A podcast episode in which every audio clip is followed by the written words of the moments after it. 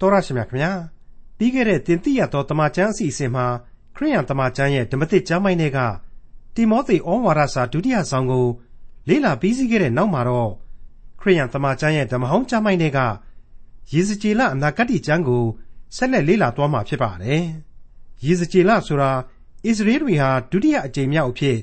ဘာဘီလုံခေါ်ဘာဘူးလုံရှင်ဘုရင်ရဲ့ကျွန်ဖြစ်ခဲ့ရတုန်းကလိုက်ပါသွားခဲ့ရသူပရောဖက်ကြီးတစ်ပါးဖြစ်ပါတယ်။ ကျွန်တွေအဖြစ်နဲ့အနိဋ္ဌာယုံမြင်ကွင်းတွေအကြားမှာဘုရားရှင်ရဲ့ပရောဖက်ကြီးအဖြစ်နဲ့အံ့ဩဖွယ်ရာကောင်းလာတဲ့ယူပါယုံတွေကိုခံစားခဲ့ရပါတဲ့အကြောင်းခရိယန်တမန်ကျမ်းရဲ့ဓမ္မဟောင်းကျမ်းပိုင်းတွေကယေဇကျေလအနာဂတ်ကျမ်းကိုမလေ့လာမီယေဇကျေလအနာဂတ်ကျမ်းလေ့လာမှုဏ္ဍန်ပိုင်းအဖြစ်ဒီကနေ့တင်ပြရသောတမန်ကျမ်းအစီအစဉ်မှာဒေါက်တာထွန်းမြတ်အေးကအခုလိုရှင်းလင်းဖော်ပြထားပါတယ်။ကောင်းကင်ဘုံ၌ရှိတော်မူ၍ ကျွန်တော်တို့တူးစီအားစောင့်ထင်းကြည့်ရှုမဆတော်မူသောအဖဖျားသခင်ကိုရရှိပို့ဆောင်တော်မူခြင်းကျေးဇူးတော်ကြောင့်ဓမ္မသစ်ကျမ်းများတဲမှတိမောသေဩဝါဒစာတို့ကိုလေ့လာနိုင်ခဲ့ပြီးသည့်နောက်ယခုအချိန်တွင်ဓမ္မဟောင်းကျမ်းရေစကြည်လအနာဂတ်တို့ကိုဆက်လက်လေ့လာကြရပါတော့မည်ကိုရရှိဗျာဒိတ်တော်များနှင့်ပြေဝဆုံလင်းနေသောအသက်လန်းနှုတ်ကပတ်တော်စာပေကိုလူသားတို့၏အုံနှောက်ဖြင့်အဖြေရှာကြရာတွင် မိမိတို့၏သေးဖွဲသောဉာဏ်အမျှော်အမြင်တို့နှင့်အဖြေရှာခြင်းမပြုဘဲတန်ရှင်းသောဝိညာဉ်တော်၏ခွန်အားပို့ဆောင်လမ်းပြတော်မူခြင်းအလင်းတရားတို့အောက်မှသာလျှင်အဖြေရှာနိုင်ဖို့ရန်ကျွန်တော်တို့ကိုသွန်သင်၍ကောင်းကြီးပေးသနာတော်မူပါအပြစ်သားများသာဖြစ်သောကျွန်တော်နှင့်တကွကျွန်တော်တို့သင်သိရသောတမန်ကျန်အဖွဲ့သားအားလုံးတို့သည်ကိုကိုကိုလက်တော်သို့အနှံ၍အလိုတော်နှင့်လျော်ညီစွာဖြင့်ဤအမှုတော်မြတ်ကိုစေတနာစိတ်တန်ရှင်းခြင်း လုံလဝရိယတို့နှင့်လှုပ်ဆောင်ပေးနိုင်ဖို့အခွင့်ကိုပေးသနာတော်မူပါကျွန်တော်၏ဘာသာပြန်ဆိုခြင်းတီးဖြတ်ခြင်းအသံသွင်းခြင်းထုတ်လွှင့်ခြင်းအလုံးစုံတို့ကိုကိုတော်ကောင်းကြီးပေး၍အစစအရာရာမှအကောင်းဆုံးနှင့်အတင့်တယ်အပြည့်ပြည့်ဆုံးဖြစ်နိုင်ဖို့ကိုတော်ရှင်ကယ်တင်ခြင်းတရားကိုစောင့်စားနားဆွင့်နေသောလူသားအလုံးတို့အတွက်ခံစားနားလေထိတွေ့နိုင်ဖို့ရန်ဖြစ်စေဖို့ကိုတော်ရှင်ကျေးဇူးပြုတော်မူပါ တူးစီနားဆင်ကြသောမိတ်ဆွေသောတရှင်များအားလုံးကိုလေကိုတော်ဆက်လက်၍ကောင်းကြီးမင်္ဂလာများနှင့်ပတ်ရတော်မူပါတူးတယောက်စီကိုကြမ်းမာခြင်းစိတ်ဤရှင်လန်းဝမ်းမြောက်ခြင်းညီသက်ချမ်းသာခြင်းအခွင့်များကိုပေးသနာတော်မူပါသူတို့၏မိသားစုသူတို့၏အတိုင်းအဝိုင်း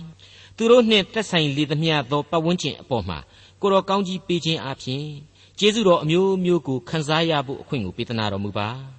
နှုတ်ကပတ်တော်မှပေးစွန်းသောဝိညာဉ်ခွန်အားများအပြင် အသက်တာတစ်ခုစီမှာဖိစည်းလွှမ်းမိုးနေလေရှိသည့်တန်တရားတန်တရားအပြစ်တရားဤမိုက်မဲခြင်းများစိုးရိမ်ပူပန်သောကများစသည်ဖြင့်အလုံးစုံသောလောကရန်ခံစားချက်များကိုအောင်မြင်စွာကြော်ဖြတ်နိုင်သည့်တိုင်အောင်ကိုရရှင်ကျေးဇူးပြုတော်မူပါယခုဆက်လက်၍လေ့လာရတော်မူရေစကြည်လအနာဂတ်သင်ခန်းစာတို့အားဖြင့်လေမိမိတို့၏ဘဝခရီးလမ်းမှာတန်ဖိုးမဖြတ်နိုင်အောင်ဆောင်ယူအပ်သောအသည့်နှင့်သတိတရားများအဖြစ် အစဉ်တစိုက်လမ်းပြညွှန်ကြားသွားနိုင်သည့်တိုင်အောင်ကိုတော်ပြုစုကောင်းကြီးပေးတော်မူပါ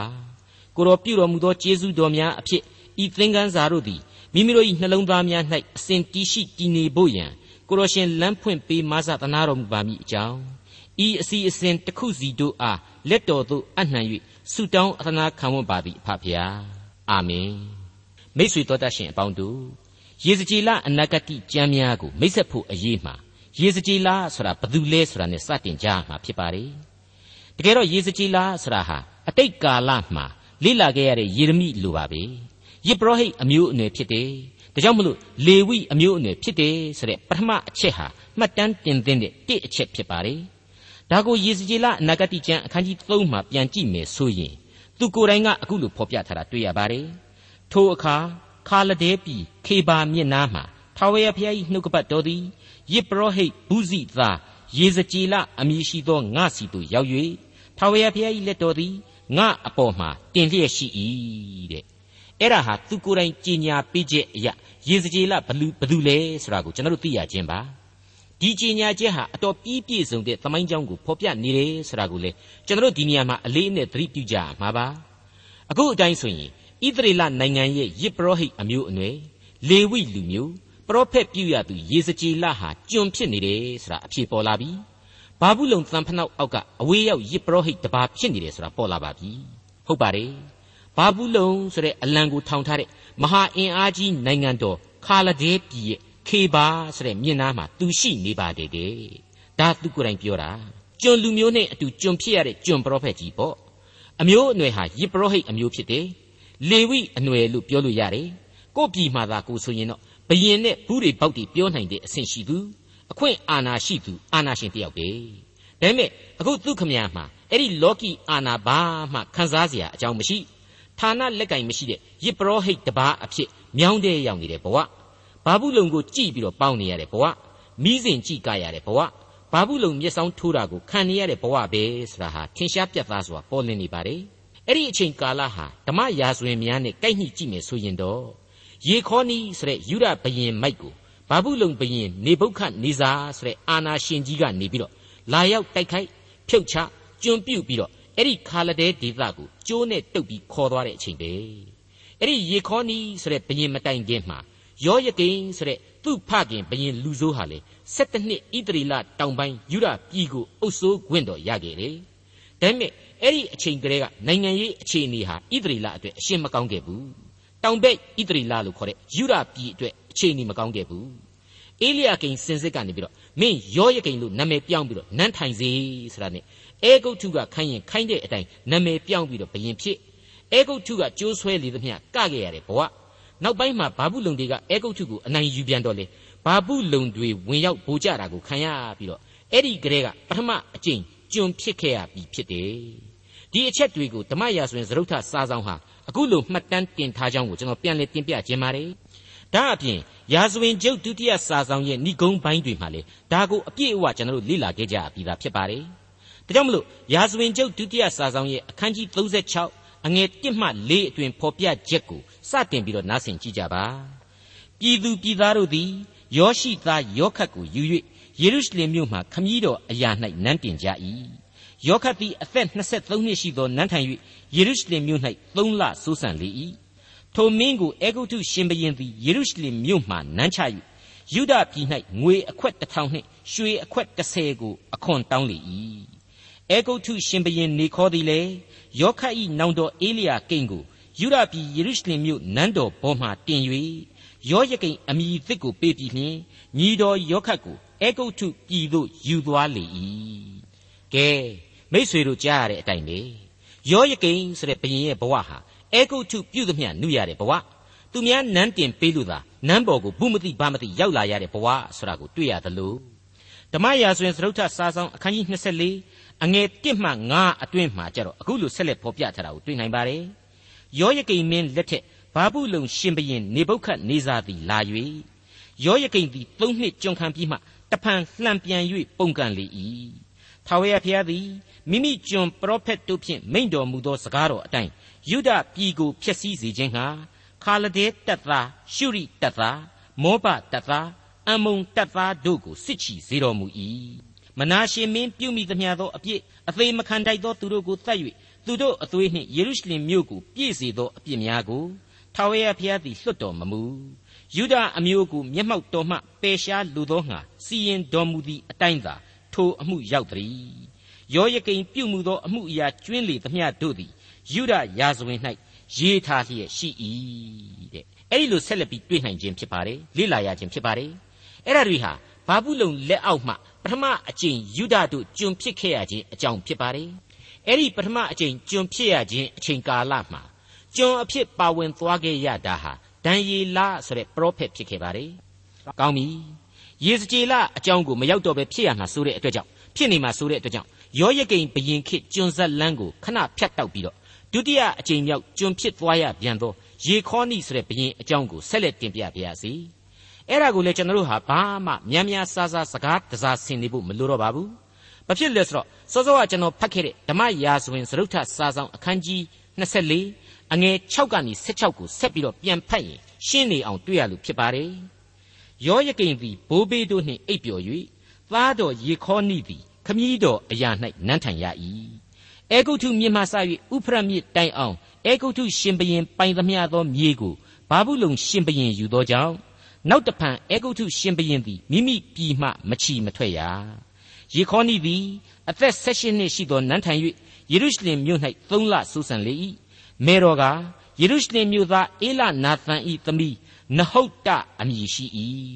ထိုမင်းသည်ခမည်းတော်ပြုသမျှအတိုင်း ထာဝရဘုရားရှိတော်၌ဒုစရိုက်ကိုပြု၏ထိုကာလ၌ဘာဘူးလုံရှင်ဘရင်နေဗုခတ်နေဇာ၏ကျွန်တို့သည်ယေရုရှလင်မြို့သို့စစ်ချီ၍ဝိုင်းထားကြ၏ဘာဘူးလုံရှင်ဘရင်နေဗုခတ်နေဇာသည်ကိုတိုင်ရောက်၍သူ၏ကျွန်တို့ကိုသူ၏ကျွန်တို့သည်မြို့ကိုဝိုင်းထားကြသောအခါယူရရှင်ဘရင်ယေခေါနိသည်မေတော်မှစသောကျွန်မူမတ်အရာရှိတို့နှင့်တကွဘာဘူးလုံရှင်ဘရင်ထံသို့ထွက်၍ ဘာဘူးလုံရှင်ဘရင်သည်နန်းဆန်ရှစ်နှစ်တွင်ယူရရှင်ဘရင်ကိုရ၏ထာဝရဘုရားမိန့်တော်မူဘူးသည့်အတိုင်းဗိမာန်တော်ဗန္တာနှင့်နန်းတော်ဗန္တာရှိသမျှတို့ကိုသိမ်းသွား၍ဗိမာန်တော်အဖို့ဣသရေလရှင်ဘရင်လှုပ်သောရွှေတစားအလုံးစုံတို့ကိုအပိုင်းပိုင်းဖြတ်လေ၏ယေရုရှလင်မြို့သားမူမတ်ခွန်အားကြီးသောစစ်သူရဲတစ်သောင်းအထူးထူးအပြားပြားသောဆရာသမားအပေါင်းတို့ကိုသိမ်းသွား၍သာမညဆင်းရဲသားမှတပါအဘယ်သူမျှမကြံ့မကျွင်းရ ယေခေါနိနှင့်မေတော်အစရှိသောမိဖုရားများအရာရှိများအားကြီးသောပြည်သားများအပေါင်းစစ်တိုက်ခြင်းဟာတက်ဆွန်းနိုင်သောသူရှိသမျှ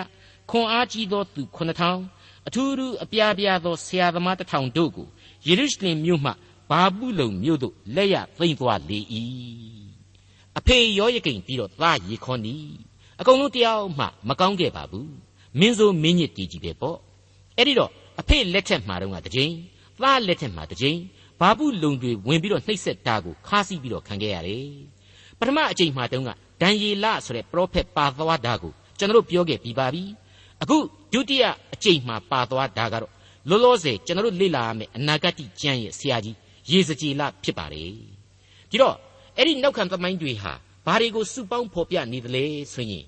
ယေရမိဒံယေလရေစကြည်လသူတို့၃ယောက်ဟာအမှန်စင်စစ်ခစ်ပြိုင်တွေဖြစ်တယ် ဒါပေမဲ့သူတို့အထက်မှာယေရမိကတော့အသက်အကြီးဆုံးလို့ကျွန်တော်တို့ခန့်မှန်းလို့ရပါတယ်အသက်သိပ်ပြီးတော့မကြီးသည့်တိုင်အောင်တောင်မှယေရမိရဲ့တာဝန်ဟာယောယကိန်ရဲ့ယောယကိန်တဲ့အရင်မင်း၃လဖြစ်ခဲ့ဘူးတဲ့ယောခတ်ရဲ့ယောခတ်ရဲ့အဖေမင်းကောင်းမင်းမြတ်ဖြစ်တဲ့ယောရှိတို့ရဲ့ကိုကောင်းကောင်းမှီခဲ့တဲ့အတွေ့ယေရမိတယောက်ဟာဖြင့်တမ္ပါအရင်ဆုံးပရောဖက်ကြီးဖြစ်ခဲ့လိမ့်မယ်ဆိုတာကိုကျွန်တော်တို့တွက်ဆနိုင်ပါတယ်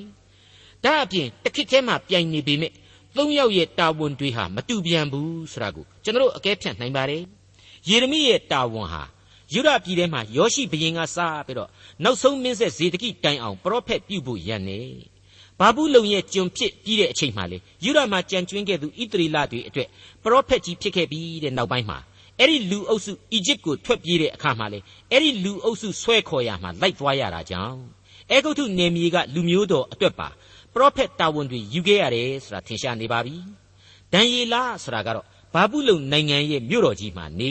အဲ့ဒီနန်းတော်အတိုင်းအဝိုင်းနဲ့ဝင်စမ်းအဲ့ဒီဘရင်နဲ့ပါချစ်ခင်ပြီးတော့နောက်ဆုံးမှာနန်းတော်အုပ်လို့ခေါ်တဲ့ဝန်ကြီးချုပ်ယာရုအထိတက်ပြီးတော့ကြီးပွားခဲ့ရတယ်မြို့တော်အဆင့်လောက်ကလူမျိုးတော်တို့အတွက်ပရောဖက်တပါဖြစ်ခဲ့ရတယ်ဆိုတာကိုကျွန်တော်တို့ဟာနောက်ထပ်ကျမ်းတွေအရဆက်လက်ပြီးတွေ့ရအောင်မှာဖြစ်ပါတယ်ဒါဆိုရင်အခုရေစကြည်လကြတော့ဘယ်အပိုင်းကတာဝန်လဲ ရှင်းနေပါတယ်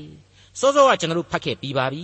ကျွန်တော်တို့ဖတ်ခဲ့တဲ့အတိုင်းပဲဘာဘူးလုံအတိုင်းအဝိုင်းခါလဒဲပြည်ခေဘာမြင့်နားမှာရှိနေတဲ့ကျွန်ဣသရီလာတို့အတွက်ပရောဖက်တာဝန်ကိုထမ်းရခြင်းပဲ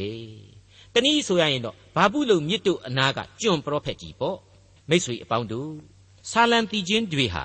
ဒါဝိဒ်မင်းကြီးရဲ့ခေတ်မှာဆူဖွက်ခဲ့တယ်လို့ကျွန်တော်တို့သိနာလေထားရပြီဖြစ်ပါတယ်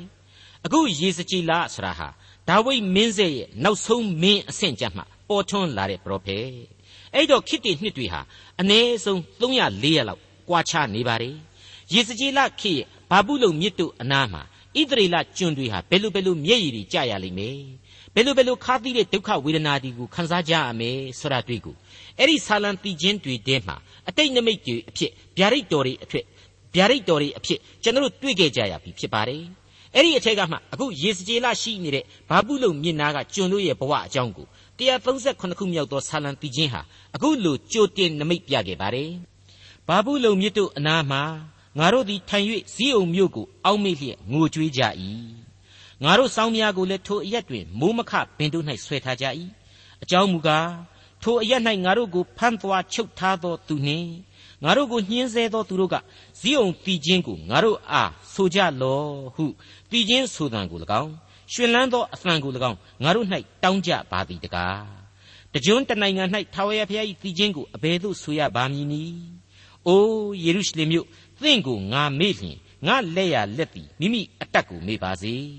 သင်ကိုငါမအောင်မေအမျက်ဆုံးသောဝမ်းမြောက်ခြင်းအကြောင်းတည်းယေရုရှလင်မြို့ကိုအမျက်မထားလျင်ငါရှာသည်အာကောင်၌ကပ်ပါစေတဲ့ အဲ့ဒီလောက်အထိဒုက္ခတွေခံစားရတဲ့ကျွန်တို့ရဲ့ကြားထဲမှာမမမမနဲ့ပရောဖက်ကြီးဖြစ်လာရသူယေဇကျေလကတော့အဲ့ဒီလိုအနိဋ္ဌာယုံတွေကြားမှာအလွန်အံ့ဩဖွယ်ကောင်းလောက်တဲ့ယူပါယုံကိုခံစားလိုက်ရပါတယ်ဟုတ်ပါတယ်သူ့ရဲ့အနာဂတ်အဖွင့်မှာသူအခုလိုဖော်ပြထားပါတယ်ယေဇကျေလအနာဂတ်ကျမ်းအခန်းကြီး1အငယ်1မှ2သက္ကရာ30ပြီယေခေါနိမင်းကြီးနန်းကြပြင်စမနှင့်သရုတ်ထလ9ရက်နေ့၌ငါသည်သိမ့်သွားသောသူတို့တွင် ခေပါမြစ်နားမှရှိနေစဉ်မိုးကောင်းကင်ပွင့်၍ဖျားသခင်ဤဗျာဒိတ်ယူပါယုံတို့ကိုမြင်ရ၏တဲ့ဒါရမကအစပိုင်းမှာဖော်ပြခဲ့တဲ့အတိုင်းပဲထာဝရဘုရား၏နှုတ်ကပတ်တော်သည်ငါစီသို့ရောက်၍ထာဝရဘုရား၏လက်တော်သည်ငါအပေါ်မှာတင်လျက်ရှိ၏ဆိုတဲ့အငယ်၃ကအချက်တွေးကိုပါပေါင်းစည်းလိုက်မယ်ဆိုရင်တော့ဘုရားသခင်ဟာအတိတ်ကာလကဗျာဒိတ်တွေဗျာဒိတ်တော်တွေအရာမျက်ရည်ပေါက်ကြီးငယ်ကြပြီးတော့သောကဖိစည်းမှုတွေခံစားနေရမယ့်လူမျိုးတော်အတွက် ယေစကြည်လမှတဆင့်ကောင်းကြီးများစွာချပေးလိုက်ခြင်းပဲဆရာဟာရှင်းလင်းပြတ်သားစွာပေါ်လွင်နေပါတယ်ဒံယေလယေရမိယေစကြည်လ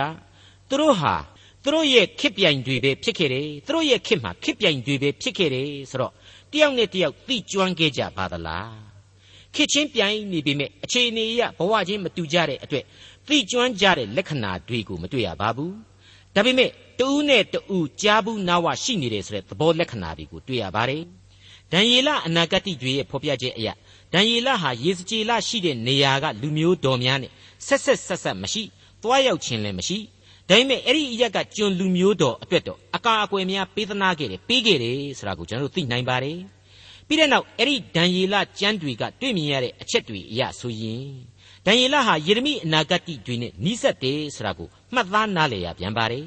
ဒီတော့ခံမှန်းကြည့်အလွန်အသက်ငယ်သေးသူလူငယ်ကလေးဖြစ်တဲ့ဒံယေလဟာ